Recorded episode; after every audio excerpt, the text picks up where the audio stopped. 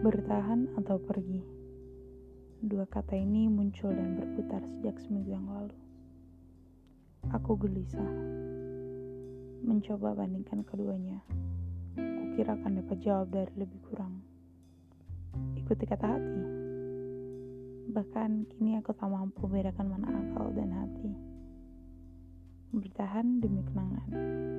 Pergi karena lelah. Aku bahagia bersamanya. Aku juga sakit karenanya. Kupikir aku egois. Tak siap dia hilang, tapi muak dengan ketidakpedulian.